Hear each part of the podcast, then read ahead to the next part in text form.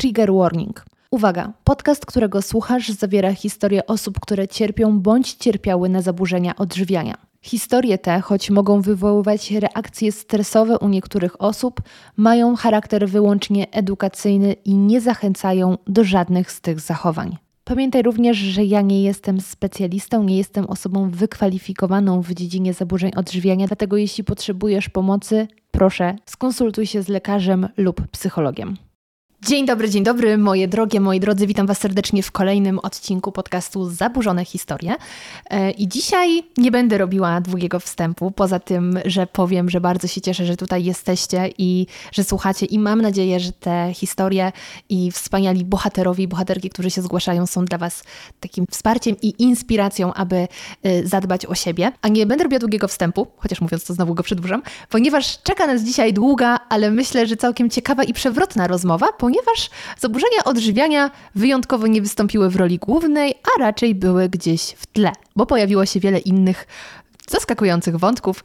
Także mam nadzieję, że pomimo, że jest to kolejna historia o zmaganiu się z diabelnie trudną i ciężką chorobą, to jednak niejednokrotnie się uśmiechniecie, ponieważ mnie w trakcie rozmowy z Martą naprawdę uśmiech no, znikał z twarzy w tych trudniejszych momentach, ale było też wiele śmiechu. Także mam nadzieję, że Wam również udzieli się nasz nastrój. Nie przedłużając, zapraszam Was na zaburzoną historię Marty.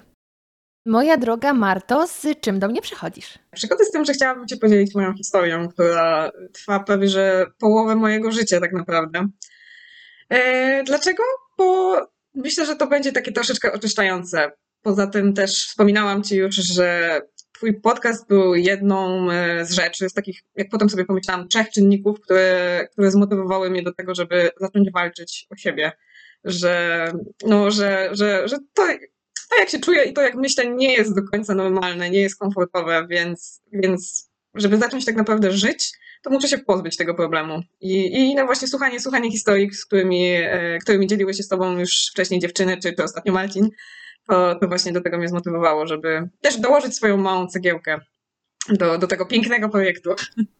No, może jak taka laurka. Właśnie przed chwilą, e, zanim zaczęłyśmy nagrywać, to prawie stłukłam dwa lusterka i stwierdziłyśmy, że dzisiaj jest trzynasty. No ale po takich słowach to ja kurczę jestem gotowa na resztę dnia. Już nie boję się żadnych czarnych kotów, chociaż to rasizm e, mieć coś do czarnych kotów. Cieszę się, że ten podcast spełnia swoją funkcję, bo na tym najbardziej mi zależało, żeby właśnie zrobić taką bardzo bezpieczną przestrzeń, żeby każdy mógł podzielić się swoją historią, bo one mają tyle punktów wspólnych. No kurczę, właściwie te schematy można wypisać, ale każda historia jednak jest inna i to właśnie dowodzi tego, że łączy nas pewne doświadczenie, ale co my z tym robimy i jak ono przebiega jest zupełnie inne. Cieszę się, że teraz ty chcesz dołożyć swoją cegiełkę i opowiedzieć o tym, z czym się jak rozumiem, jeszcze mierzysz, że to jest taki otwarty proces. Także to może zacznijmy od tego, bo powiedziałeś, że to jest prawie połowa Twojego życia, więc tak w gwoli ścisłości to y, ile masz lat? W tym roku kończę 25 i wydaje mi się, że gdzieś tak w 13-14 roku życia to się, to się zaczęło. Znaczy, jakby zaczęłam mieć z tym problem tak naprawdę, bo myślę, że, że gdzieś to sięga jednak bardziej dzieciństwa, bo od małego byłam dużym dzieciakiem, pulchnym dzieciakiem. E, I to jakby na początku nie stanowiło dla mnie problemu. Nawet, nawet jak sobie o tym myślałam, to jakieś tam komentarze ze strony rodziny, że, że ja jestem większa, że moje siostry w takim wieku to były przecinki, a ja, ja jestem inna. E, no tak, najgorzej, najgorzej. Zawsze, zawsze było to porównywanie i śmianie się, że je trzeba było zmuszać do zjedzenia obiadu, a ja zjadłabym dwa i może jeszcze deser. Ale wydaje mi się, że w tamtym momencie jeszcze to tak, znaczy pewnie podświadomie gdzieś tak, gdzieś wtedy pewnie mnie to ruszało, natomiast e, ten właśnie przełomowy moment był, był w gimnazjum, bo te komentarze były takie, nie były aż tak uszczypliwe, w sensie to nie, nie, nie było mówienie zrób coś z sobą, że wyglądasz strasznie, no ale, ale gdzieś tam to podprogowo na pewno też nie były do końca przyjemne. E, gdzieś tam, gdzie pieszczotliwe określenia dla mnie to było serdelek na przykład, od rodziców, od sióstr. No, no mówię, że wtedy ja też ich nie winię za to, bo wtedy nie mówiło się o tym, nie wiedziało się o tym, jakie to są duże problemy. Um, ale tak jakby wszystko, wszystko pękło w momencie, kiedy, kiedy właśnie byłam w gimnazjum. Pamiętam, że byliśmy na wycieczce rowerowej, e, tam w ramach WF-u. Jakby na tę wycieczkę średnio w ogóle chciałam iść, bo ja właśnie nie, nie przepadałam za żadną aktywnością fizyczną. No nie, nie. No szkoła też raczej obrzydzała niż obrzydza, zachęcała. Zdecydowanie, no. zdecydowanie, bo dzisiaj uwielbiam, uwielbiam tylko tak. po prostu rzeczy, które ja lubię robić, a, a nie y, kółko, kosz, piłka, siatka y, i jeszcze jakieś... Albo nagle zaliczenie na półtora kilometra bez żadnego tak, przygotowania. na przykład. Na przykład. No, moje, moje ulubione. Tak, no, no i w każdym razie byliśmy na tej wycieczce y, i tak przez przypadek, jestem z małej miejscowości, ale po prostu dołączyło się do nas dwóch chłopaków ze starszej klasy. Ale ja nie miałam ani kondycji, ani chęci tak tam naprawdę być. Y, to gdzieś tam się wlekłam na tym rowerze jeszcze pod górkę, bo z kolei jestem z, z Małopolski, więc mamy dużo, dużo górek. To prawda. tak. No, więc, więc po prostu górka, dół, górka, dół i moje płuca już wysiadały. E, jeden z tych chłopaków e, w końcu zaczął się ze mnie śmiać, że popatrz jak wyglądasz, że jesteś grubą świnią, e, tak niedelikatnie mówiąc, i że nic dziwnego, że w ogóle nie dajesz rady. I pamiętam, że to mnie wtedy tak strasznie zabolało, bo to była chyba pierwsza taka sytuacja, kiedy ktoś skomentował to, jak wyglądam i, jak, no to właśnie, że to, to, że moja kondycja też nie jest najlepsza. E, spoza rodziny, ktoś, ktoś, kto tak jakby wiedziałam, że celowo chce mi sprawić przykrość tymi słowami. E, I wtedy przestałam jeść. E, może nie do końca, bo miałam tak jakby swój plan, i bo do końca życia będę go pamiętać, że zawsze jadłam codziennie rano płatki śniadaniowe i jedną montę. Potem przez cały dzień w szkole nie jadłam nic. Potem jadłam obiad i znowu już nie jadłam nic. Do następnego śniadania. Nie liczyłam wtedy kalorii, jeszcze nie, nie no miałam 13 czy tam 14 lat, więc to nie, nie jeszcze nie, nie, nie byłam na tyle świadoma.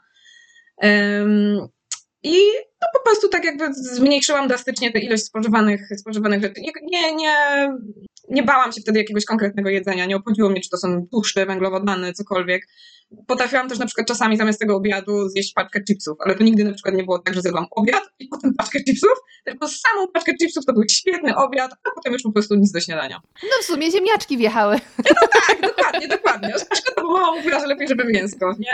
A jeszcze jeśli były bekonowe, tak, a jeśli jeszcze były bekonowe, to, to, cały, to cały dobry obiad. Tak, dokładnie, dokładnie. E, albo cebulowe, to jeszcze więcej warzywek, tak? E, tak, i wtedy, y, no, że, tam powiem, że tak powiem, startując z wagi ponad 70 kg, chyba 73, o ile dobrze pamiętam, y, po czterech miesiącach ważyłam jakieś 50-53, gdzieś tak, więc y, dużo zleciało. Ja bardzo potrafiłam się trzymać. No i wtedy zaczęło się to, co też wydaje mi się, że bardzo często się dzieje, mianowicie wow, ale super wyglądasz ale super wyglądasz, ale ci teraz dobrze, widać, że od razu bardziej zdrowo. No mi się wtedy też tak wydawało, że no tak, zdrowo, bo, bo, bo już nie jestem duża. E, pamiętam, że to był taki czas, kiedy ten chłopiec, jednocześnie po prostu strasznie żywiłam do niego niechęć, ale z drugiej strony słysząc te wszystkie komentarze miałam też takie, że kurde, dziękuję, że on mi tak powiedział. Super, że on mi tak Czekaj, powiedział. Czekaj, ten sam, ja... co cię tak pojechał? Później cię komplementował? Nie, nie, nie, nie, nie, on nie. On nie, ale ja tak sobie tylko myślałam o nim, że kurczę, że, że właśnie, że najpierw nie pojechał i, i, i nienawidziłam go za to, że tak powiem, ale potem, jak sobie po prostu myślałam o tej sytuacji, to byłam taka wdzięczna, że kurczę, że teraz mnie ludzie komentują, to super. Znaczy, dalej wiedziałam, że to nie było fajne zachowanie, ale też gdzieś tam głęboko wyrodziła, urodziła się we mnie taka wdzięczność, że gdyby nie on, to może dalej bym tak źle wyglądała. A teraz ludzie są zachwyceni, no więc, yy, więc tak. Yy, no, i, no i najgorsze było to, że w tym wszystkim zrodziła się taka we mnie satysfakcja, że ja potrafię się czegoś trzymać, że obiecałam sobie, że będę jadła tak, a nie inaczej i że, i że teraz jestem szczupła. Jeszcze wtedy to dalej był czas, kiedy aktywność fizyczna była B. Więc, więc tak naprawdę to wszystko poleciało z, z jedzenia, więc, więc musiałam być takim trochę flakiem, że tak powiem. Ale, ale poczekaj, pytanko pomocnicze. A jak się czułaś z całym tym procesem? Bo już rozumiem, że tutaj doszliśmy do tego elementu komentarzy, euforia, super, nowy rok, nowa ja, ale yy, to jak fizycznie się czułaś? Tak, a widzisz. Jak się z tym czułaś? W sensie, czy czułaś się słaba, czy cały czas myślałaś o jedzeniu, czy to jakoś tak gładko przeszło, że właściwie nie kosztowało ci to za wiele psychicznie? Właśnie wtedy przeszło bardzo gładko, jak tak o tym pamiętam. To tak naprawdę, ja też wcześniej naprawdę jadłam dużo i wiem, że jadłam niepotrzebnie, że, że właśnie słodycze, że jakieś cipciki dodatkowo, więc tak naprawdę ten organizm wtedy jeszcze chyba nie poczuł takiego szoku, bo też wtedy, że tak powiem, jak już schudłam, no, na jakiś czas się to uspokoiło. Już też czuję, że nie, nie pamiętam tego też tak dokładnie, bo na pewno nie jadłam tak normalnie, nie, nie przeszłam nagle do tego, że okej, okay, no to teraz znowu jem zdrowo śniadanie, obiad, kolacja, tylko już nigdy tej kolacji pamiętam, że potem nie jadłam. I to chyba nawet nie przez ten mit, że, że tam po 18 tak, dokładnie. Nie, nie, nie dlatego, tylko po prostu byłam, tak przyzwyczaiłam się przez te pierwsze cztery miesiące, że kiedy, kiedy właśnie tak schudłam, że już nie byłam głodna. Już nawet nie byłam głodna. Pamiętam, że nigdy nie rozumieli tego u mnie, u mnie w domu, że Jezu, ale przecież ty chodzisz do szkoły, że ty musisz myśleć, ty musisz coś zjeść. Nagle, nagle to, że nie jem, to jednak było większym problemem. Wydaje mi się, że do końca gimnazjum to ja już jakby funkcjonowałam właśnie tym, tym stylem, że E, że, że jem rano, e, potem jem po szkole i finito. W liceum faktycznie zaczęłam jeść więcej, ale też wtedy właśnie zaczęła, polubiłam tę aktywność fizyczną, więc jakby to się zaczęło balansować. Nie, chodakowska akurat nie, ale jakieś inne. Jakieś inne.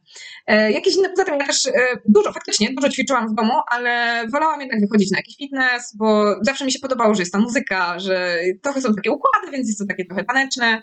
Y, o Jezu, trafiłam na człowieka, który ma koordynację ruchową. Moja zazdrość sięgnęła zenitu. W sensie właśnie powiem ci, że ja unikam jak ognia wszelkich takich grupowych, jakichś zumb i tak dalej, bo ja nie, nie wiem, to jest kwestia wzrostu, ale ja jak patrzę, jak ktoś robi jakiś, jakiś ruch, to zanim mój mózg przeanalizuje, co się właśnie wydarzyło na ekranie, to ja muszę od początku. Także nienawidzę takich zajęć, bo jestem po prostu taką pierdołą, która nie wie, którą ręką kto ruszył. Dramat, ale zazdroszczę, że tak masz.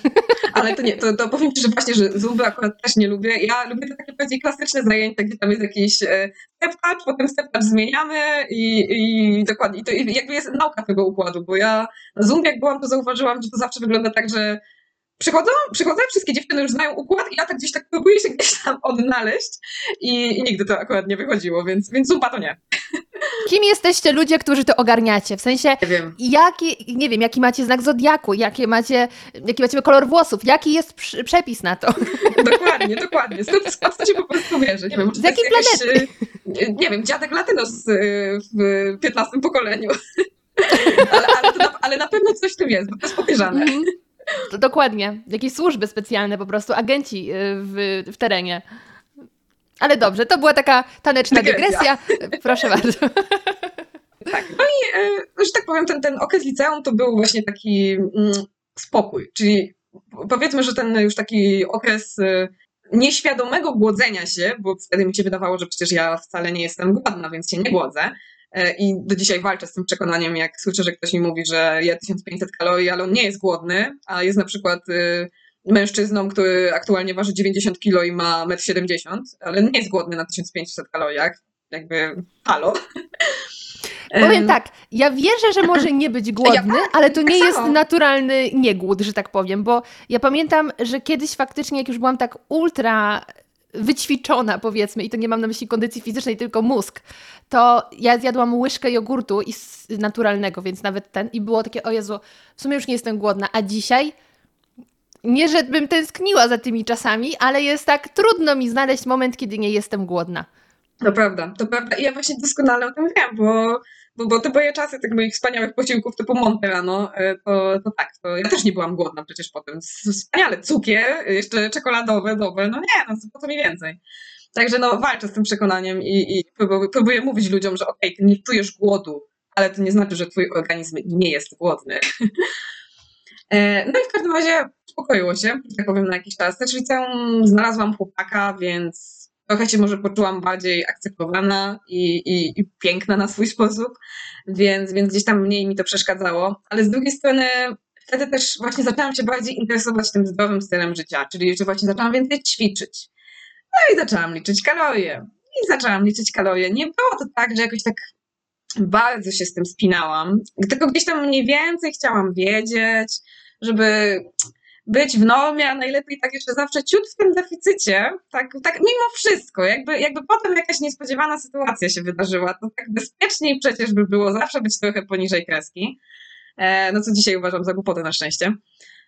Ale e, no właśnie, nie, nie, też na przykład, jak nie wiem, tym chłopakiem spędzałam jakiś weekend i coś tam wleciało powiedzmy dodatkowego, to wtedy się tym nie przejmowałam.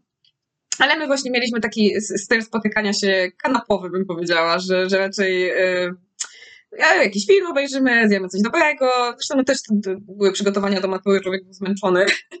tak naprawdę, więc, więc nawet się nie dziwię. E, więc też wtedy, to, jeśli, jeśli latywała ta aktywność, to właśnie zawsze sama coś tej robiłam. E, no i potem właśnie tuż przed maturą się rozstaliśmy. I najgorszy fakt. Niezręczny był, moment, powiem. Niezręczny moment, ale no już, już się nie dało, że tak powiem. Mm. Wydaje mi się, że może nawet lepiej, że, że pisaliśmy te matury już obok siebie niż skłóceni. No to patrz, to nawet zdaliście egzamin dojrzałości przed tak, maturą. Dokładnie, dokładnie, no też tak sądzę. No i w każdym razie wyglądało to, w ten sposób, że no, też niefortunnie, bo my chodziliśmy razem do klasy. I jakby tam przed tą maturą było jeszcze trochę czasu, że my cię widywaliśmy i też przez, tak naprawdę przez pierwszą klasę przyjaźniliśmy się.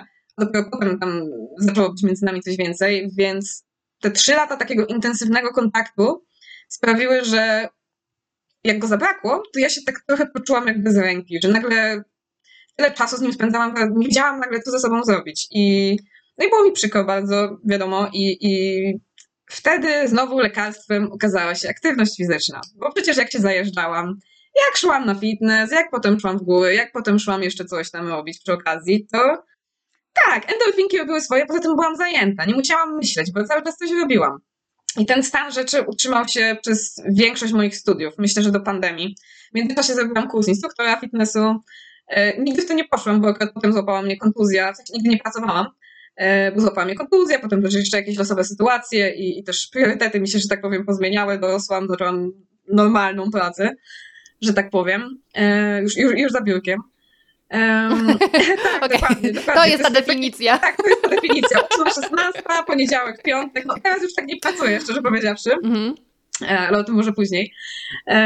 No, no i, i w każdym razie, e, no to zajeżdżałam się przez te studia i wtedy też, no zaczęło się trochę imprezowanie, więc jakiś tam alkohol, jakiś tam nie do końca też, w końcu byłam w dużym mieście, więc łatwiej było wyjść na pizzę, wyjść tutaj na kebaba, no coś tam, a ja no, właśnie to też jest ta rzecz, ja lubię jeść lubię. I myślę, że to, to często jest e, przyczyna. To często jest przyczyna e, właśnie tego, że jeść się naprawdę lubi e, w zaburzeniach, bo potem, kiedy ty sobie tego jedzenia odbierasz, to traktujesz to też trochę jako karę. A potem, kiedy sobie tego jedzenia udzielasz, wow, to jest nagroda.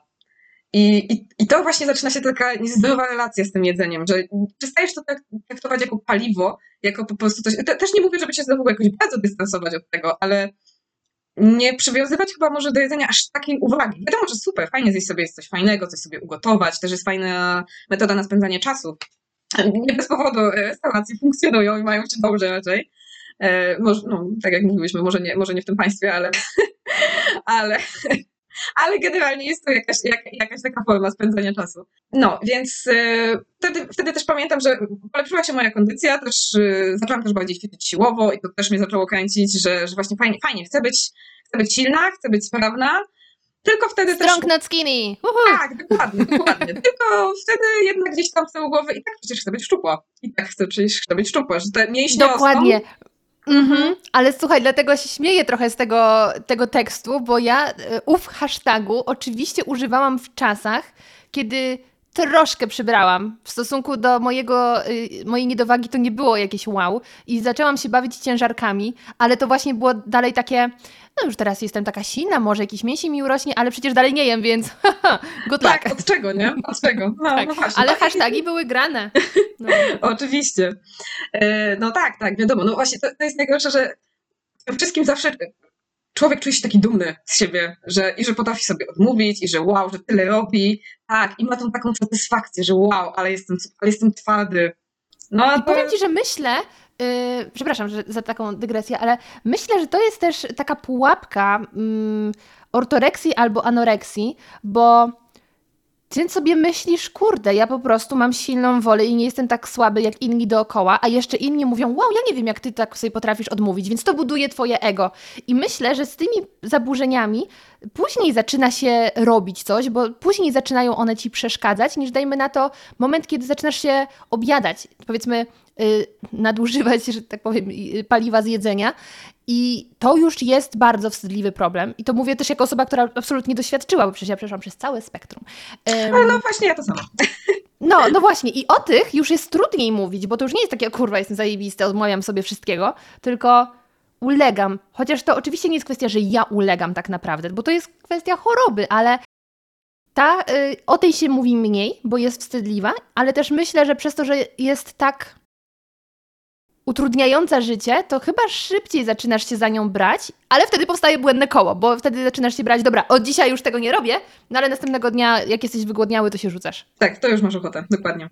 E, no, no i właśnie dlatego te, te, te czasy e, moje, te studiów i zajeżdżania się, to właśnie wleciała autoreksja, która już tak miała te swoje początki w, w, w liceum, bo, bo najpierw tak, faktycznie, najpierw fajnie alkohol, kebaby, ale potem zaczęłam mieć takie, że oj, nie, nie, nie, nie, nie wolno, już tak jakby pilnuj się, już, już musisz się pilnować bardziej, a poza tym nigdy nie potrafiłam wymiotować na zawołanie, więc y, też nigdy się nie, nigdy się też nie przeczyszczałam, ale bulimia sportowa po prostu. Że wiedziałam, że tak, wiedziałam, że zjadłam wczoraj kiedyś za dużo, no to teraz jedziemy 10 kilometrów, od razu zaczynamy bieżnia albo, albo po tych moich pagórkach, co gorsza. Więc y, tak jakby może nie było to takie wtedy celowe przejadanie się, że faktycznie, że miałam te momenty słabości, więc, więc się najadałam, tylko że jeśli po prostu czułam, że jakiegoś dnia jadłam za, za dużo, chociażby to było, nie wiem, 100-200 kalorii, to ja już miałam to, że dobra, nieważne, ale dzisiaj muszę zrobić albo jeden dłuższy trening, albo dwa krótsze, byleby to jakby pozbyć się tego. I, I to też jest straszne, bo w tym momencie zapominasz, że, że ta aktywność ma ci służyć żeby być frajdą, żeby to była zabawa dla ciebie i żeby być e, strong not skinny, tak? tylko, tylko po prostu na wszelką cenę chcesz się pozbyć tego, co, co zjadłeś. I, i, I najgorsze jest to, że nie potrafisz przestać o tym myśleć. Bo, bo tak bardzo gdzieś to tam cię w wodzie gdzieś dotyka. E, no ale w każdym razie powiedzmy, że nastała pandemia. E, tych opcji dla mnie, która właśnie lubiła chodzić na jakieś zajęcia, na, na siłownię, no było przez jakiś czas mniej. Ja wtedy też wróciłam do swojej rodzinnej miejscowości. I wtedy znowu zaczęło się niejedzenie. E, wtedy już z tą świadomością. Ale to, to, to wręcz powiem ci podziwiam, bo, bo y, ja pamiętam, pewnie o tym mówiłam już w podcaście, jak y, natrafiłam na jakiś post dietetyczki, że o, pandemia, fantastyczny czas, żebyśmy zabrali, za, zadbali o nasze nawyki żywieniowe, że teraz przecież każdy ma czas gotować. Jest takie, bycz nie, Właśnie teraz większość ludzi się objada, bo nie ma co robić, więc nie więcej. Mhm. I dużo z nas, w tym ja, yy, przez pandemię przytyło, bo z nudów się jadło. I poza tym było takie napięcie, chociaż z dzisiejszej perspektywy to takie śmieszne czasy, że my też zajadaliśmy stres. Także jeśli ty mówisz, że sobie odmawiałaś, to wow. Tak, no taka, taka jest prawda, że sobie odmawiałam. Z jednej strony miałam łatwiej, bo tak jak mówiłam, wróciłam do tej mojej rodzinnej miejscowości, a tam nie ma gdzie wyjść coś zjeść przede wszystkim, nie ma, nawet wtedy nie wyjść, ale nie ma zamówić. To, to już wtedy nie jest tak łatwo, No tak, ale wróciłaś, rozumiem, do rodzinnego domu. Tak, do rodzinnego No to domu. jedzonko od mamy, no to chyba jest jeszcze trudniejsze do powstrzymania się. Właśnie ja akurat nigdy nie byłam fanką takiej kuchni polskiej, więc ja nawet już w gimnazjum właśnie, czy tak dalej, to już sobie sama gotowałam, bo ja wolałam jeść inne rzeczy. Bo, bo właśnie zawsze był jakiś kotlet z ziemniakami, a ja też... No to super! No właśnie nie lubię! no nie, nie, nie, jakoś zawsze miałam że nudzi mnie taki obiad. Że jak ja już jem, to ma być coś takiego, co ja lubię, jakiś makaron sobie zrobię albo coś. Tak, to już jedzenie wtedy to już było takie świętowanie wręcz. Tak, no nie możesz zjeść byle czego. Znaczy, to prawda też jest, że kotlet codziennie to już jest taki, eh. Tak, on jest no super, jak właśnie jedziesz do mamy no. na obiad i on tam jest, ale żeby jeść codziennie to... Mm. No, także trochę się, trochę się zgadzam, tak. Tak, zwłaszcza, że ja też yy, mięsa yy, aktualnie jem, ale generalnie raczej starałam się unikać, więc u mnie w domu to trzy półki na cztery w lodówce zazwyczaj są zastawione mięsem, więc no niestety. E, Polski dom. Tak, no dokładnie. Często, często właśnie czytałam komentarze, że, że Boże, ja przyjeżdżam do tego domu i nic nie jem i jestem taka wybredna. Nie, nie jestem wybredna, ale wolałabym pomidora. No, mm. ale, ale Albo pomidorówkę.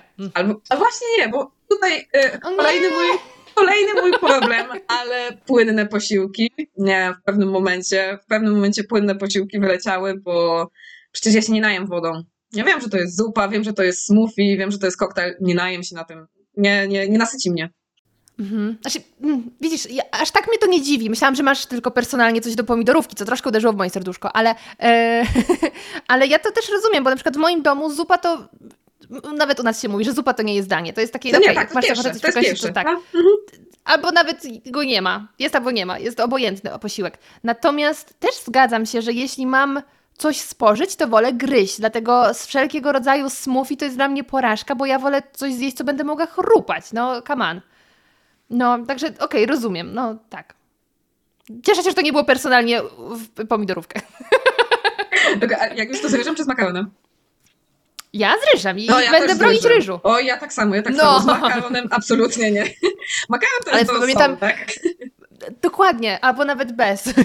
E, ale powiem że ja pamiętam, jak rozmawiałam z Makłowiczem i poza powiedzmy tak, bo nagrywałam z nim podcast i już później po skończonym nagraniu tak mówię, dobra, panie Robercie, ale ja muszę zapytać, no, pomidorówka z ryżem czy z makaronem? Mówi, no z ryżem. Mówię, no i mój człowiek, jeszcze pana bardziej lubię, nie?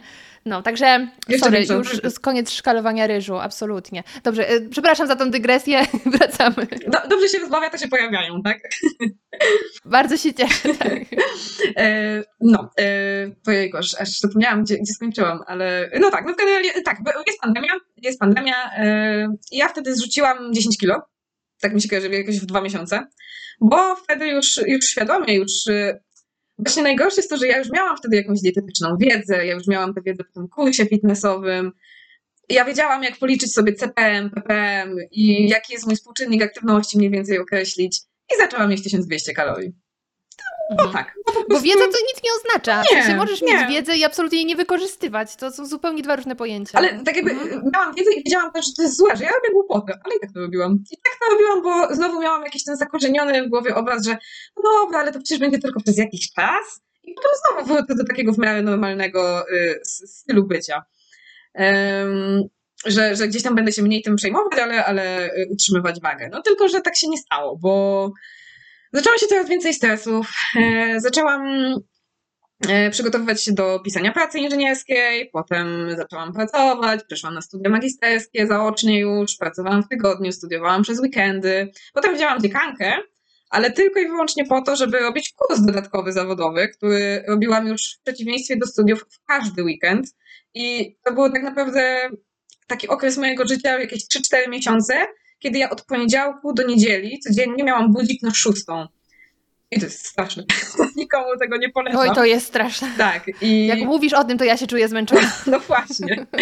więc, więc po prostu od poniedziałku do piątku pracowałam po te 8 godzin, potem miałam codziennie sobota, niedziela kurs po 8 godzin. E, no było to bardzo wykończające i pojawił się stres. Już nie miałam siły na nic innego, na żadne sprawianie sobie przyjemności tak naprawdę, na wyjście do kina, na cokolwiek. No, faktycznie dalej wtedy ćwiczyłam, ale, ale już jakieś takie interakcje społeczne, tak nie miałam na to siły, bo wiedziałam, że Boże, ale ja tu znowu wstaję o szóstej. I kiedy zabrakło mi tych takich innych bodźców, jakichś pozytywnych emocji, to przypomniałam sobie, że przecież ja kocham jeść. I kocham jeść, więc co? Więc jak mogłam lepiej spędzić wieczór niż coś zjeść? Coś dobrego, coś fajnego, coś myśleć o tym, co ja będę jadła jutro, co jakie sobie posiłki na jutro przygotuję. Bo też to jest ta bolączka, że ja bardzo lubię gotować. A oprócz tego, że lubię gotować, to jeszcze bardziej uwielbiam piec. Uwielbiam piec słodyczy. Mm, tak. Jezu, czy można cię adoptować? Piszę się, od razu. A w tym momencie... Jeśli robisz dużo kruszonki, to ja... O Jezu, mnóstwo lubię kruszonki. Robię mnóstwo kruszonki. Robię najlepsze drożdżowe ciasto, jakie można sobie wyobrazić. Cynamonki, kadamonki. Mówisz w okolicach Krakowa jesteś, tak? A teraz Warszawa. O! No, baby!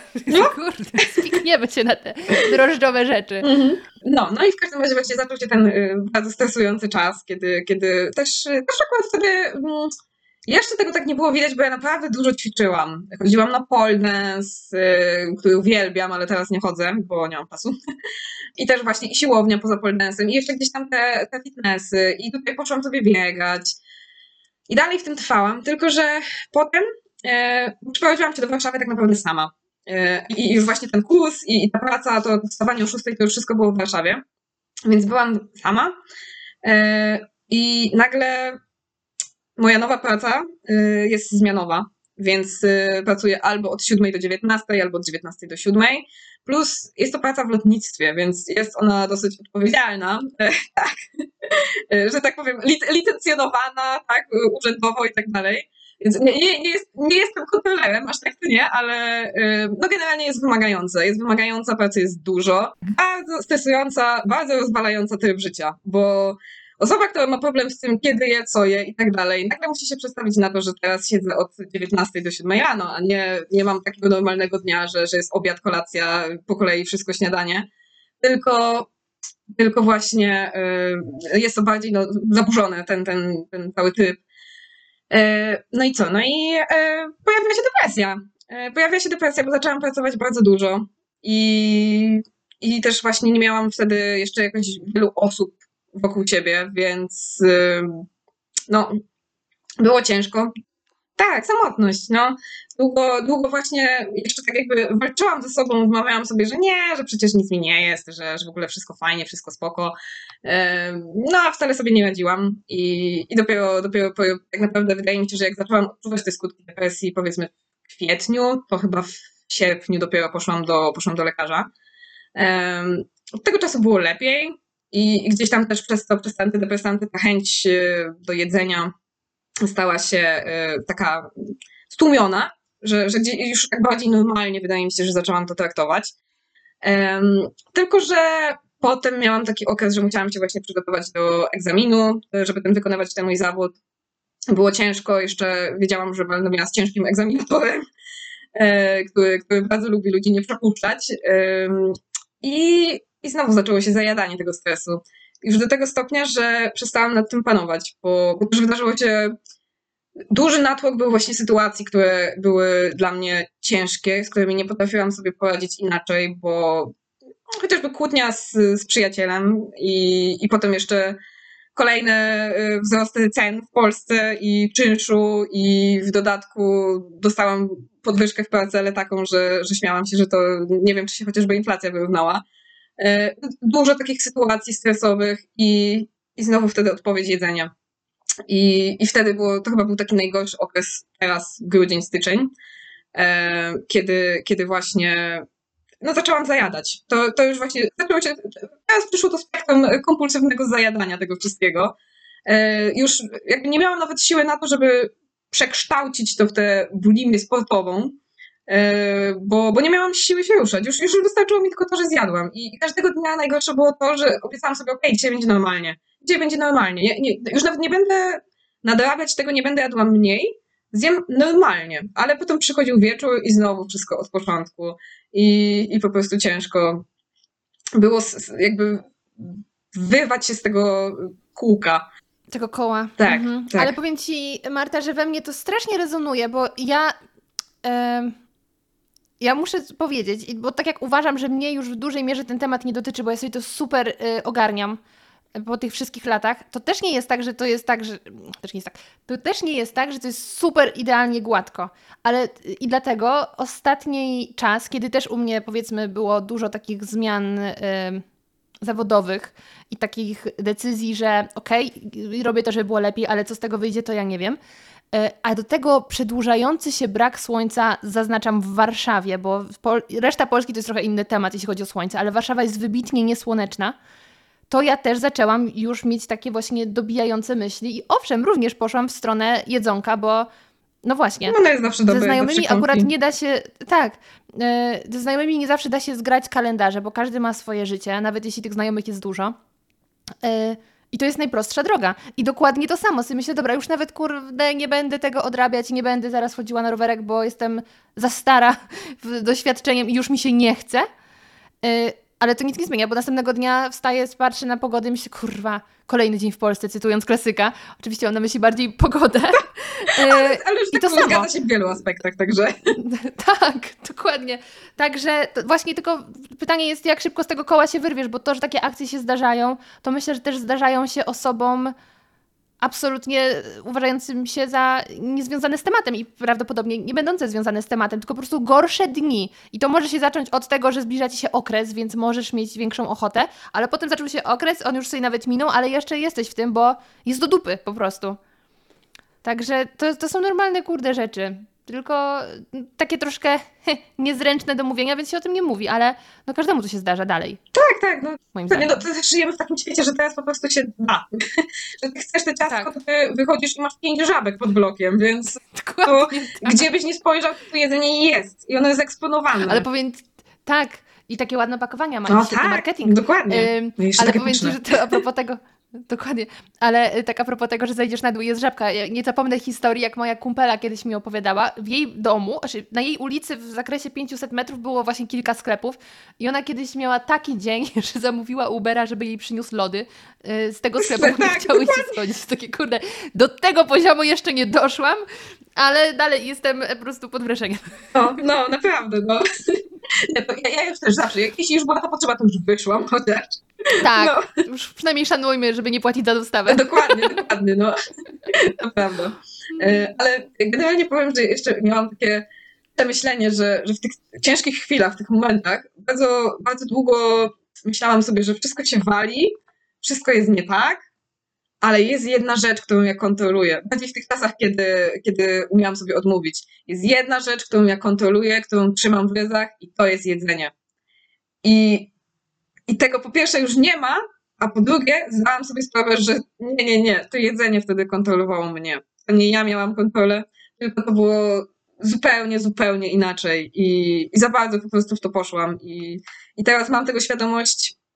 Można powiedzieć, że zaczęłam z tym walczyć też sama, ale też chodzę na terapię od, od właśnie od grudnia, gdzie poruszam też ten problem e, i mówię o nim przede wszystkim. Może, może jednak na tej terapii bardziej się skupiam na takich e, ok- około rzeczach, że, że właśnie czy, czy depresji, e, ale, ale też nie, nie chciałam tego zostawić. Właśnie, właśnie to, to, co ty powiedziałeś, że stwierdziłam, ja już jestem za stara na to, że ja już mam tyle w tym doświadczenia. Ja od tych ponad 10 lat gdzieś tam cały czas w jakiś sposób podporządkowuję swoje życie pod to, co ja będę jeść. I to, to nie tak powinno życie wyglądać. Że, że jest tyle fajnych rzeczy, że wiadomo, z przerwami, nie? Czasami są jakieś tam lepsze okresy, kiedy o tym nie myślę, kiedy robię coś fajnego po prostu. Yy, czy to dłuższe, czy to krótsze, ale no ale że, generalnie tak być nie może po prostu. No, nie, nie o to chodzi, że, że pamiętam, że była też taka sytuacja, kiedy byłam e, w zoo z, z tym przyjacielem, z którą swoją drogą się, się tam już pokłóciłam i tak dalej, e, z jego siostrzenicami, czy tam jakimiś kuzynkami. I e, jedna dziewczynka, nie wiem, ona jakoś była po komunii teraz, e, pamiętam, że jadła na czosy najpierw, potem jakieś żelki i tak tu sobie skupnęła trochę, coś tam sobie skupnęła te parę żelek i ja tak na nią popatrzyłam i tak sobie pomyślałam, Boże, jak ja jej zazdroszczę, bo jak ja bym otworzyła opakowanie żelek, to ja bym je zjadła całe. Może bym wtedy już nie Mhm. zjadła jak na czosów, ale jakbym kupiła opakowanie Ale może byś zjadła, Też może bym zjadła, no to prawda. bo po słodkim słone to no, zawsze fajnie. potem znowu jeszcze słodkie najlepiej. Dokładnie. I tak, I tak to kółko, jedno drugie, jedno drugie. Mhm. No, więc, e, więc w każdym razie pamiętam, że to był taki moment, że, że pomyślałam sobie, Boże, ja znowu chcę być jak to dziecko, które je wtedy, kiedy ma ochotę i że jak otworzy tę paczkę na czosów, to nie będzie zjeść wszystkich, tylko może zjeść ich 15 i stwierdzi, że okej, wystarczyło mi to, było super, pyszne i resztę sobie zje kiedy indziej. Wiadomo, że to wciąga, ale czasami to już u mnie dochodziło do takich momentów, że już czułam, że już nie chcę jeść, że, że już nie jest mi to potrzebne, że już się najadłam i jadłam dalej. I przerażające. I właśnie też smutne w tym wszystkim jest to, że ja to bardzo długo wypierałam, że ja mam jakiś problem. No bo wiadomo, no, tak naprawdę póki nie zaczęłam się przejadać, to nie było dla mnie problemu, bo byłam w normie przecież. E, Ale też w domu nikt nigdy nie zwracał na to uwagi. Na, na zasadzie, że no wtedy jak schudłam, no to faktycznie, no często potem też jak już że tak powiem, dosyć długo się utrzymywałam przy około 50 kg, to, to moja mama tylko mówiła, że o Jezu, no kości ci widać, ale nikt nigdy nie potraktował tego tak jak jakiś poważny problem. I też, no właśnie wiem, że to dlatego, że po mnie nie było tego widać na zasadzie, no nigdy nie byłam bardzo wychudzona, nie, nie, nie miałam 40 kg powiedzmy, tam przy moim wzroście to jest 1,63 m. E, więc ani nie wymiotowałam, więc, więc jakby te dwie najbardziej popularne choroby, czyli, czyli właśnie anorekcja, czyli mówię, no to nie, no to na pewno nie ma żadnego problemu, no a jest. Jednego dziwa No jest. Tak. To ja pamiętam właśnie takie też teksty, gdzie e, nawet chyba to w moim podcaście się pojawiało, gdzie dziewczyny mówią, że ktoś mówi, ale ty nie możesz mieć anoreksji, bo nie wyglądasz tak chudo. I to jest takie, kurwa, okej.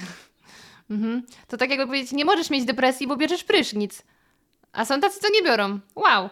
No, no ale umówmy się, o depresji normalizuje się, mówi się o tym więcej, Tak, e, tak. Ale zaburzenia są dalej tabu. tak, ale dalej to jest Mhm. trochę tabu. No, chociażby mhm. też widzę to po sobie, bo ja też bardzo długo myślałam, że nie, ja nie mogę mieć depresji, że może mam jakiś gorszy czas, ale, ale nie mogę mieć, bo przecież właśnie ci, ci ludzie, którzy mają depresję, to oni nawet nie wstaną umyć zębów.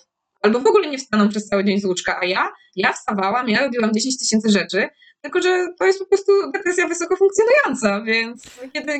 I też pytanie, jak długo możesz to ciągnąć, bo być może jeśli w takim trybie żyjesz długo, to później wymiękasz tak jak właśnie z zaburzeniami, że możesz żyć pod dyktando i się ograniczać, ale w pewnym momencie przestajesz mieć siłę to robić. Nawet byś chciała żyć w tych ograniczeniach, ale już nie masz siły. Ta, wo, ta y, wolna, wo, y, y mocna, czekaj, silna, silna wolna, mhm. silna mocna, wolna. mocna wola. E, to brzmi jak nazwa miejscowości. tak. e, to, to się wyczerpuje, dokładnie, więc mm, bez sensu, no ale to jest właśnie ten brak świadomości. No ale dobrze, czyli y, po tym najgorszym etapie grudzień, styczeń wróciłaś na terapię, czy rozpoczęłaś terapię? E, rozpoczęłam terapię tak naprawdę w grudniu, właśnie wtedy, kiedy wszystko mi się zaczęło walić. E, mnóstwo tych sytuacji. Styczeń, styczeń faktycznie był straszny, gdzie, gdzie właśnie i, i było to obgadanie się i też depresyjnie poczułam się gorzej, więc też y, poszłam po nowe leki do, do psychiatry, opowiadając mu o tym, co, co czuję. Dostałam i, i tak już właśnie od lutego czuję, że jest lepiej, że i zarówno czuję się lepiej psychicznie i też zdrowsze, mam wrażenie, że mam podejście do, do jedzenia. Więc jestem w tym momencie właśnie.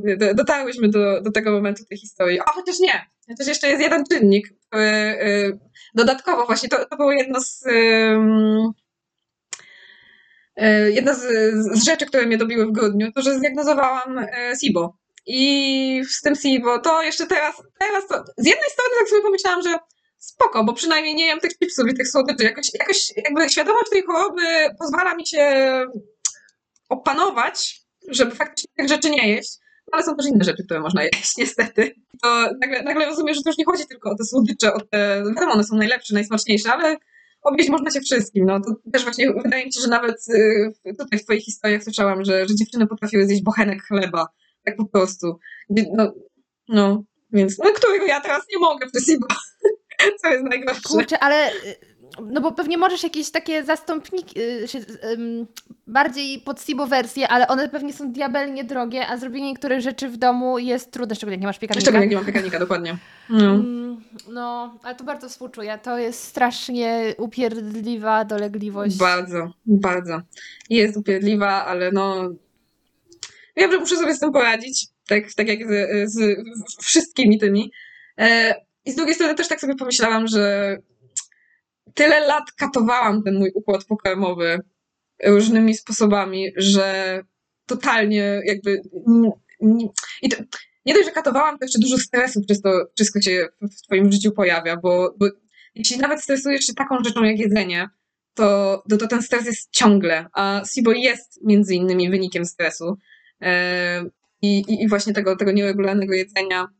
Więc, że tak powiem, nawet mnie nie dziwi, że mnie akurat złapała ta choroba, ale chcę ją wyleczyć i też pomyślałam sobie, że to ponad 10 lat jestem tak wdzięczna mojemu organizmowi, że wytrzymał to, jak go traktowałam, że, że teraz zasługuję na to, żebym zaczęła o niego po prostu bardziej dbać. Bo. No, ale też tak można. tak sobie wiesz, myślę, że tak, ale też myślę właśnie, że w ogóle twoja praca jest stresująca. Tak, jest stresująca. Jest tak, że ty mhm. ze stresem handlujesz na, na tak, co dzień. na co dzień. No, e, ale, od, ale odnośnie do tego, do tej wdzięczności dla organizmu, to ja właśnie sobie tak czasem myślę, że kurczę, no bo wiadomo, że człowiek wyobraża sobie siebie w głowie, nie? Mimo, że każda część jest tobą, ale no mózg jest w głowie, a tam to chyba wszystko działa, więc widzisz siebie z głowy jako taki wewnętrzny ludzik i sobie myślę, kurde, to ciało jest ze mną tyle lat i ono jest zajebiste, funkcjonuje, a ja nie wiem czemu robię mu podgórkę i ciągle mam jakieś zarzuty. Tak, a to ono sprawia, że ja mogę nawet pójść po te chipsy, chociaż ono nie chce tych chipsów. I tak nawet w kontekście jedzenia niektórych rzeczy, albo już tak opychania się, to sobie wyobrażam takie, yy, jestem dość dziecinna, jak już kiedyś ustaliłam to na Instagramie, wyobrażam sobie, że w środku są takie ludziki, taki, taki pan majster z czapeczką i, i takim kajecikiem i jak to w jedzenie schodzi, to on tak kurwa, znowu, naprawdę, musimy to przemielić? I tak wiesz, tylko odhacza, co znowu zleciało. No i to jest takie, oni to tego nie chcieli, a muszą... Tak, oni... No, także... Ale wiesz co, tak myślę, że też to jest problem kulturowy, jak my traktujemy ciało. Już pomijając to, że, że się w ogóle... Yy, rozmawia o tym, jak ktoś wygląda. I ja y, w momencie, kiedy ten podcast będzie opublikowany, to parę dni wcześniej, yy, mówię z przeszłości o przyszłości, okay, yy, z, właśnie z przeszłości, no, no nieważne. Yy, mówię o wydarzeniu, które będzie miało miejsce w czwartek, czyli już miało miejsce.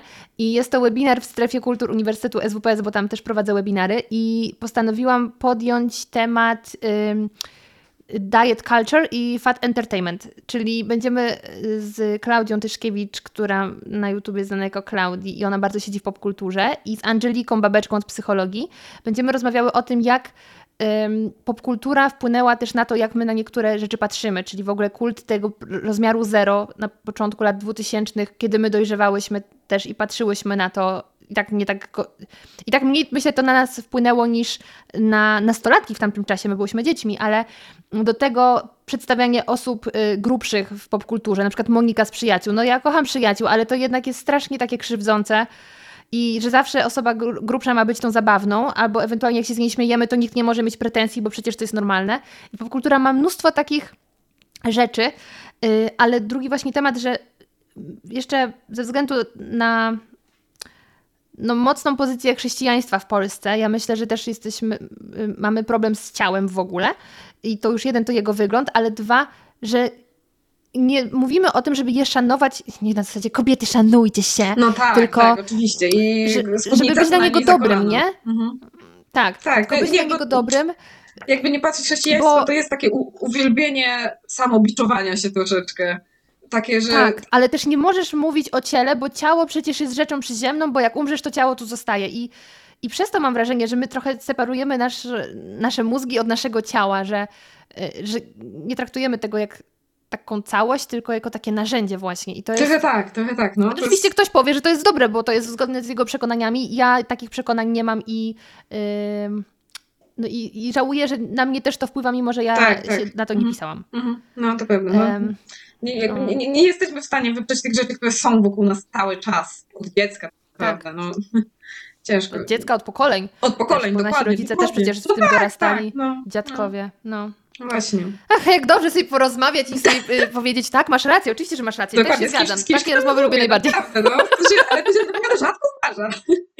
No, to się, jeszcze też tak sobie właśnie czasem myślę, że, że jeszcze y, nie, ciężko właśnie znaleźć mi jakieś takie zrozumienie i świadomość, bo, bo na przykład teraz w tym momencie moja mama ani tata nie wiedzą ani o depresji, ani o zaburzeniach odżywiania nadal. Nie, nie czułam się gotowa, żeby im o tym powiedzieć. E, to jakby, że to pokolenie nie rozumie, bo oni mieli kiedyś inne problemy, bo dla nich problemem było to, żeby, nie wiem, mieć pieniądze, wybudować dom i tak dalej. Czasem się boję, że, że to, że ja mam problem z jedzeniem, to dla nich będzie takie śmieszne. Że, no ale jak to? Zacznij jeść normalnie. No, no tak. Co za problem? Kurczę, powiedziałaś, że ich problemem było pieniądze na dom. Naszym problemem jest to, że nas nigdy nie będzie stać bez zajebistego kredytu na mieszkanie, nie? dokładnie, dokładnie. Więc też mamy swoje problemy. E, I wiesz, i, i, też takie starsze pokolenia mówią, o, za naszych czasów takich rzeczy nie było. I tak, no tak, ale za to hmm, alkohol był grany. No, na przykład. Także super. No, lepsze, lepsze rozwiązanie, no. zdecydowanie bardzo trudny temat, jeśli, jeśli nie masz pewności, jak zareaguje Twoja rodzina. Ale powiedz mi, a Twoje siostry są wtajemniczone? E, wiesz co, z moimi siostrami to też jest tak, że one są dużo starsze. E, jedna jest 14 lat starsza, druga jest 12 lat starsza. E, jedna, tak, więc nie wiedzą. Nie wiedzą o zaburzeniach odżywiania, jedna wie o depresji. Bo z jedną mam taki kontakt, że po prostu jej się jakoś tak mniej czułam jednej nie chciałam mówić, nie wiem dlaczego, nie, to, to, to jeszcze na terapii. E, a drugiej, drugiej już czułam się bardziej komfortowo, żeby powiedzieć, natomiast o, o zaburzeniach odżywiania nie. Też nie jest tak, że nikt o tym nie wie, bo po pierwsze jestem tutaj, a po drugie jest część znajomych, którym powiedziałam, bo tak jak mówiłam, że bardzo długo to wypierałam, ale kiedy to zaczęło się robić już takim problemem, no właśnie, obiadaniowym, to zaczęłam o tym mówić na głos. I Chyba głównie po to, żeby przyznać się w końcu przed samą sobą, że ja mam problem i że miałam takie poczucie, że jeśli ktoś to usłyszy, to że ja to tak bardziej sobie zmaterializuję, że trochę dotknę tego tematu tak z zewnątrz, że ktoś mi powie, że ktoś właśnie w moim wieku bardziej, z mojego pokolenia, kto prędzej to zrozumie, bo może ktoś w jego rodzinie tak miał, bo cokolwiek. E, I, no i twój podcast, no, no to też był taki właśnie czynnik, żeby, żeby przyznać przed sobą, że kurde, tak, no mam problem mam problem faktycznie i, i trzeba, trzeba się tym zająć. Trzeba się tym w końcu zająć. No tak, w sumie to właśnie tak jest. Kurczę, jest problem, zajmijmy się nim, a jest problem, okej, okay, to nie mówmy o tym. Tak, no, no właśnie, to, to, to też. Ale to też jest taka narracja w Polsce całkiem aktualna, well. No, no tak, dokładnie. Jak, jak jest problem, przemilczmy temat i udawajmy, że go nie ma. Tak, no. przecież zniknie. Mamy bardzo duże dywany w Polsce. Tak, tak, dokładnie. I wiele trupów są w stanie przyjąć. A jeszcze chciałam... Tak. Eee Właśnie przypomniały mi się podcasty kryminalne, które słuchałam, ale to, to no, nie tak, o tym. Ja ale ja chciałam jeszcze jedną rzecz zahaczyć. I bo jak mówisz o tym, że twoje siostry są starsze i byłaś do nich porównywana, czyli teraz taka będzie pętla, to kurczę, jak można porównywać dziecko, które dorasta ponad 10 lat później, kiedy świat jest inny, bo one Zupełnie dorastały inny. w czasie, kiedy w sklepach dopiero pojawiały się rzeczy z zachodu. Ty dorastałaś w czasach, kiedy było wszystko i piękne, kolorowe opakowania do ciebie yy, uderzały zewsząd, plus rodzice też. Yy, myślę, że na więcej ci pozwalali, bo byłaś młodsza. Też na I więcej mi pozwalali. Wszystko... I też myślę, że moje siostry jeszcze nie były w czasie komputerów, w sensie kiedy... Znaczy Dokładnie, to były, były inne czasy. Komputery były, mhm. ale no, no, no, nie, nie, był to taki standard, nie? Gdzie teraz... Y, ale nie oglądały Hany Montany, to jest wyznacznik. Na przykład, na przykład, nie oglądały Hany Montany, no. Nie, wiadomo, że oglądały coś innego, ale po pierwsze, no... Ja na przykład jako dziecko bardzo lubiłam pisać opowiadania, bardzo lubiłam rysować, ale że to już były takie czasy komputerowe, to ja rysowałam, owszem, ale dużo na tablecie graficznym. I rysowałam, y, pisałam opowiadania, bo wygodniej w Wordzie niż na kartce. I wtedy zawsze było y, z mojej strony mojej mamy, że nie siedzisz przed tym komputerem, że ty nic tylko siedzisz przed tym komputerem. I to nie było... Rozumiem, jak ja bym siedziała, siedziała, bawiła się w ten ekran i robiła nic produktywnego, ale to były moje hobby, moje pasje, a zawsze były jednak sprowadzone do tego, że one miały fajniejsze pasje, bo one poszły grać w ręczną, one poszły w nie wiem, w kosza, w cokolwiek, one wyszły gdzieś. A weź pójdź teraz na dwór. Gdzie ty znajdziesz kogoś do zabawy na dworze? I to jest właśnie, jak mnie to denerwuje, w sensie ja nie mam dzieci, yy, ale jak słyszę, jak się jeździ po tych dziecia yy, dzieciakach młodszych, to mnie aż to denerwuje, bo ludzie jakby nie ogarniają kontekstu. Co z tego, że ty za dzieciaka robiłeś to i to, ale nie robiłeś tego, co robili twoi dziadkowie czy twoi rodzice?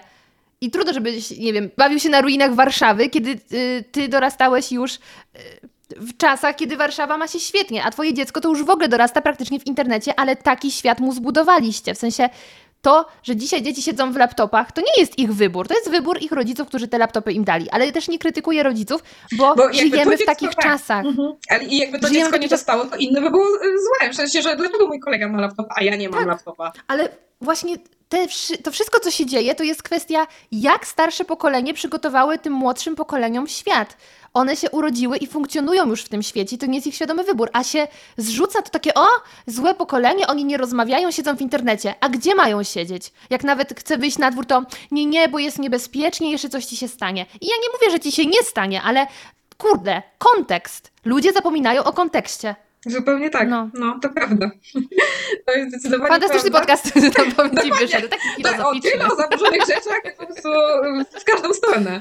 E, ale Diagnoza też, społeczeństwa. Tak, tak. Ale też jeszcze druga rzecz, o której sobie pomyślałam, że e, też na przykład z moimi siostrami rodzice inaczej spędzali czas, bo też byli młodsi, te 15 lat, więc mieli większą chęć od, po to, żeby na przykład z moimi siostrami podróżowali. Nigdy nie byłam, dobra, raz byłam z moją mamą dwa razy byłam z moją mamą za granicą. A moje siostry tu jechały do Włoch, tutaj gdzieś tam do Francji, tu, to, tego, tamtego, tutaj w góry. No ja akurat jak byłam mała, faktycznie nie lubiłam chodzić w góry, nawet mnie zachęcali. Ale mieli ten czas i jakoś spędzali go z nimi. Podczas kiedy ja też oczywiście nie jestem y, zła za to, bo moja mama pracowała wtedy na dwa etaty, kiedy ja byłam dzieckiem. E, nauczycielskie, co prawda, ale no ja akurat przez to, że moja mama jest nauczycielem, to ja i tak uważam, że nauczyciele mają mega ciężką pracę i to, że ktoś powie, że o, przecież oni mają tylko tam parę godzin w tygodniu, to jest mnóstwo pracy jeszcze poza szkołą, a poza tym sama cierpliwość dla tylu dzieciaków to dla mnie y, Wonder Woman po prostu. Y, I no, absolutnie nie jestem zła na mamę, że wtedy tego czasu dla mnie nie miała, ale mama nie miała czasu. Inne dzieciaki siedziały też powiedzmy w telefonie, to, to miałam wyjść sama i sama biegać w kółko. No, no masakra, no naprawdę. To, to, to jak się nie patrzy właśnie na, na to, że okej, okay, kiedyś było tak, ale teraz jest inaczej, no. Tak. I nie zmienisz tego samym gadaniem. To oczywiście, że tak. Się dostosować już trochę do tego, jak ten świat wygląda i nie mieć pretensji do młodszych ludzi, że sobie radzą z tym światem jak mogą. No. I że A czasy nie są łatwe. Oj, zdecydowanie. I że przede wszystkim y, wystarczyłoby na przykład pokazać temu dzieciakowi, zająć się tym dzieciakiem. No, też na przykład y, widzę takie porównanie powiedzmy po niektórych parach, że mm, na przykład tam powiedzmy hipotetyczna sytuacja, jest para, jest dwójka dzieciaków i ta mama, która wraca z pracy, faktycznie bawi się z nimi, zajmuje się z nimi, tutaj jakoś, nie wiem, jakieś układa coś tam, jakieś puzzle, e, a tata przychodzi, włącza telewizor i zajmijcie się sobą, a on będzie robić coś swojego. No, czy, czy nawet gdyby to była, żeby nie, e, też nie stereotypizować, nawet gdyby to była odwrotna sytuacja, gdy mama powiedzmy zmęczona w pracy i puszcza ten telewizor, a tata się zajmuje, no to skoro tak się zajmujesz tym dzieciakiem, to dlaczego ty liczysz nagle, że ono pójdzie samo i będzie, i w ogóle wymyśli sobie, że można iść i się bawić, budując sobie domek na drzewie, skoro ktoś mu pokazuje, że jak nie ma co ze sobą zrobić, to niech sobie weźmie ten telewizor, czy tam y, komputer, czy, czy telefon, czy cokolwiek. No, jakby to są dzieci, one Chociaż... sobie to wymyślić, że, że, że mają tak, coś innego tak. robić. Absolutnie. I powiem Ci, że to są w ogóle strasznie trudne. Super parentingowy mm. podcast. Dwie lambadziary bez dzieci rozmawiają o tym. Super. E, ale powiem Ci, że to właśnie też jest strasznie trudne, bo jak ja sobie myślę e, o tym, jak po prostu po pracy jest człowiek zmęczony i sobie wyobrażam, że jeszcze wracasz z pracy i są dzieci, które cały dzień na Ciebie czekały i nawet tak myślę w kontekście e, mojego domu, gdzie rodzice bardzo dużo pracowali i no ja wyczekiwałam ich zawsze, żeby oni wrócili, Natomiast i tak jestem pełna podziwu, że oni jakąkolwiek energię mieli, żeby z nami spędzić czas, bo to jest tak, kurde, zatraciłeś swoje takie życie, które miałeś, gdzie ty byłeś na pierwszym miejscu. Musisz schować swoje ego, jednocześnie wiesz, że to, jak te dzieci będą, wiesz, albo nie wiesz, no ale już większa świadomość na pewno jest, jak te dzieci będą y, traktowane w dzieciństwie, jaka będzie ich uwaga, tak sobie zbudujesz y, ich miłość na przyszłość. I jednocześnie jesteś coraz starszy i masz coraz mniej energii, a masz dorosłe problemy, rachunki, za co y, kupić jedzenie. Y, w jakieś wakacje też fajnie, no bo znajomi dziecka jadą na wakacje, dziecko też chce. I Jezu, jakie to jest trudne. Męczące i trudne. Życie tak. jest trudne. A my jeszcze robimy takie gówno burze jako społeczeństwo wokół wielu rzeczy, które nie mają tak, takiego znaczenia, bo życie jest po prostu wystarczająco trudne. O, czuję się zmęczona. Znowu. Albo myśleniem o tym, no. prawda? Ja tak właśnie ostatnio, ostatnio się zastanawiałam nad tym, tak myślę sobie o tej mojej, no tak, no dobra, mam stresującą pracę i też pracowałam dużo właśnie w sezonie wakacyjnym, bo lubię dużo latają siłą rzeczy. E, że to tam, no, powiedzmy, że gdzieś tam etat przekraczałam, powiedzmy ponad 200 godzin w miesiącu, to, to, to pracowałam. A, a biorąc pod uwagę, że jest to taka praca, no jednak wyczerpująca i że są te nocki, to, to inaczej niż gdyby to było po prostu tam to 40 czy ileś godzin nad godzin. Ale pomyślałam sobie, że to było takie ciężkie miesięcy i co, ciężkie kilka miesięcy i co, i ja teraz mam depresję i jest mi źle, a moja mama te dwa etaty, ja mała, yy, gdzie moja mama też, to nie jest tak, że mnie nie spędzała ze mną czasu i mnie zaniedbywała, tylko woziła mnie na jakąś muzykę, gdzie uczyłam się grać na keyboardzie przez 4 lata, dwa razy w tygodniu. Dwa razy w tygodniu woziła mnie na e, basen. E, potem jeszcze przez weekend szła gdzieś w góry e, ze znajomymi. Plus dodatkowo jeszcze, ona też miała dosyć sporo starszych rodziców, ona się jeszcze dziadkami zajmowała. Trzy, dni, trzy razy w ciągu dnia do nich przychodziła tam jakieś leki, coś tam. I ja sobie myślę, Boże drogi, jak ta kobieta, naprawdę, jak ta kobieta dawała radę. I terapeutka mi to powiedziała ostatnio, no to zapytaj jej, zapytaj jej, czy nie było jej ciężko. Tylko, że no, zapytałam, ale no właśnie moja mama to troszkę starsze pokolenie i powiedziała mi, no dobra organizacja czasu i dało radę. tak, no okej, okay, ja też jestem w stanie zorganizować sobie dobrze czas, ale... Tak? Ile mamy w ogóle aplikacji od tego? Asana, Notion, tak, Google Calendar. No. To nie, to nie ma żyjemy, że można sobie po prostu plan dnia, godzina, minuta po minucie rozpisać, ale to jeszcze nie znaczy, że ja mam na to siłę i chęć. Naprawdę, no to, to jest tak jak mówisz, że jakbym sobie teraz miała wyobrazić, że ja z tymi wszystkimi moimi bolączkami, jedzeniem, depresją i tak dalej, jeszcze mam się jakimś małym człowiekiem zająć. No, nie do pomyślenia dla mnie. Naprawdę. Nie wiem, czy my jakoś y, wolniej dojrzewamy teraz, bo w moim wieku moja mama to już miała pierwsze dziecko. W moim jeszcze nie, także ja jestem w ogóle uprzywilejowana, bo ja mam, wiesz, inny wzorzec, że też moja mama miała nas późno, co nie zmienia faktu, że ja właśnie wiedząc, jak dla niej to było męczące, to ja nie chcę, bo ja y, nie mam takiego, takiego serca, jak ona miała i nie nie. Nie rozumiem, bo, bo mam tak samo. Ja, ja, chyba. Często ludzie mówią, że e, z wiekiem ten instynkt macierzyński przychodzi, ale to u mnie chyba jakoś. Tyle lat czekam. czekam Tyle, czekam, gdzie on jest? Tak wygląda, zgadzam się, ale nie Zatem, bardzo. Znowu, czy instynkt to jest wszystko? No, nie sądzę. Bo to jest tak samo z ochotą. Oczywiście ktoś teraz powie, że strasznie upraszczam i tak dalej, ale na niektóre rzeczy możesz mieć ochotę, ale to od razu nie znaczy, że wiesz, że to będzie dla ciebie dobre, albo będzie to dobre dla kogoś, że masz ochotę, masz kogoś komuś strzelić w twarz. To nie znaczy, że dla tej osoby to będzie dobre. Ale nie wiesz dla tej osoby. I tak, czy to, że ja mam przez jakiś czas instynkt, to wystarczy, żeby ten człowiek był szczęśliwy? Nie.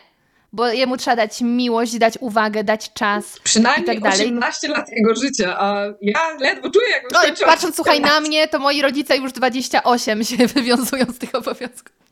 Bo ja dalej potrzebuję ich miłości, zainteresowania. Strasznie trudne rzeczy. Kurczę, ten podcast po prostu mnie absolutnie zaskoczył. Strasznie wy- wyewoluował, tyle się po prostu... Ale wiesz co, z drugiej strony to też pokazuje mi, że y, właśnie te zaburzenia odżywiania to jest taki problem jeden z wielu i on tak łączy się z tymi wszystkimi rzeczami. On się trochę z tym Tak, wszystkim łączy. Że to nie jest właśnie taka... To nie jest problem o jedzeniu, Nie, to właśnie bo jedzenie jest, problem tylko sposobem, jak sobie z nim radzić. Jak sobie radzić właśnie Mhm. z, z tymi wszystkimi stresorami, z tymi bodźcami, które są wokół, Tak. z tymi rzeczami, których po prostu nie rozumiemy i, i, próbujemy sobie jakoś w jakikolwiek sposób poradzić. A że no, kiedyś ludzie tak nie robili, no kiedyś musieli stać z kartką przed sklepem, a jeszcze i tak nie wiadomo było, czy to jedzenie dostaną. Więc Tak, No ale wiadomo. wtedy też zwróć uwagę, że naprawdę była, było większe spożycie alkoholu. No, tak, tak. każdy sobie jakoś radzi y, z, z problemami i ma różne ku temu narzędzia. Możesz uciekać w pracę, bo wtedy nie myślisz. Możesz uciekać w sport, bo nie myślisz, plus dodaje ci to endorfin. Niektórzy używa, uciekają w jakieś narkotyki. Y, no jest inni jeszcze w jakiś przypadkowy seks, żeby mieć na, za, namiastkę no, dokładnie. Ym, Jakieś e, zaangażowania miłości, emocjonalnego. Uczucia, tak. Mhm. No, o, No tak, no. czystą fizyczność, nie? no tak, tak. Więc naprawdę jest tego mnóstwo. Mhm. Bo jak uzgodniłyśmy, prawda, życie jest stresujące. Dokładnie, jest I- ciężkie. I właśnie to jest, zobacz, problem, że nas nikt na żadnym etapie y, nie uczy Nie radzenia uczy. sobie ze stresem. Mhm. Nie. nie. Uczę, się- uczę się na zbudowy Może portfelka, teraz- ale...